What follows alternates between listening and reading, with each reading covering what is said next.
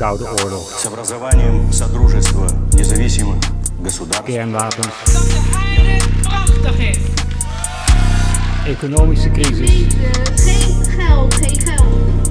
Krakersrellen. Als de krakers alsnog tot overleg bereid zouden zijn.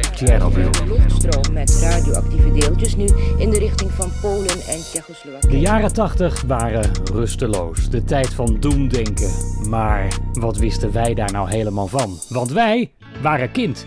Onze grootste zorg was of we Domino D-Day wel mochten zien van onze ouders. Of het schoolreisje dit jaar naar het Evoluon of naar het Autotron zou gaan. En of we de nieuwste He-Man poppen wel zouden krijgen van Sinterklaas.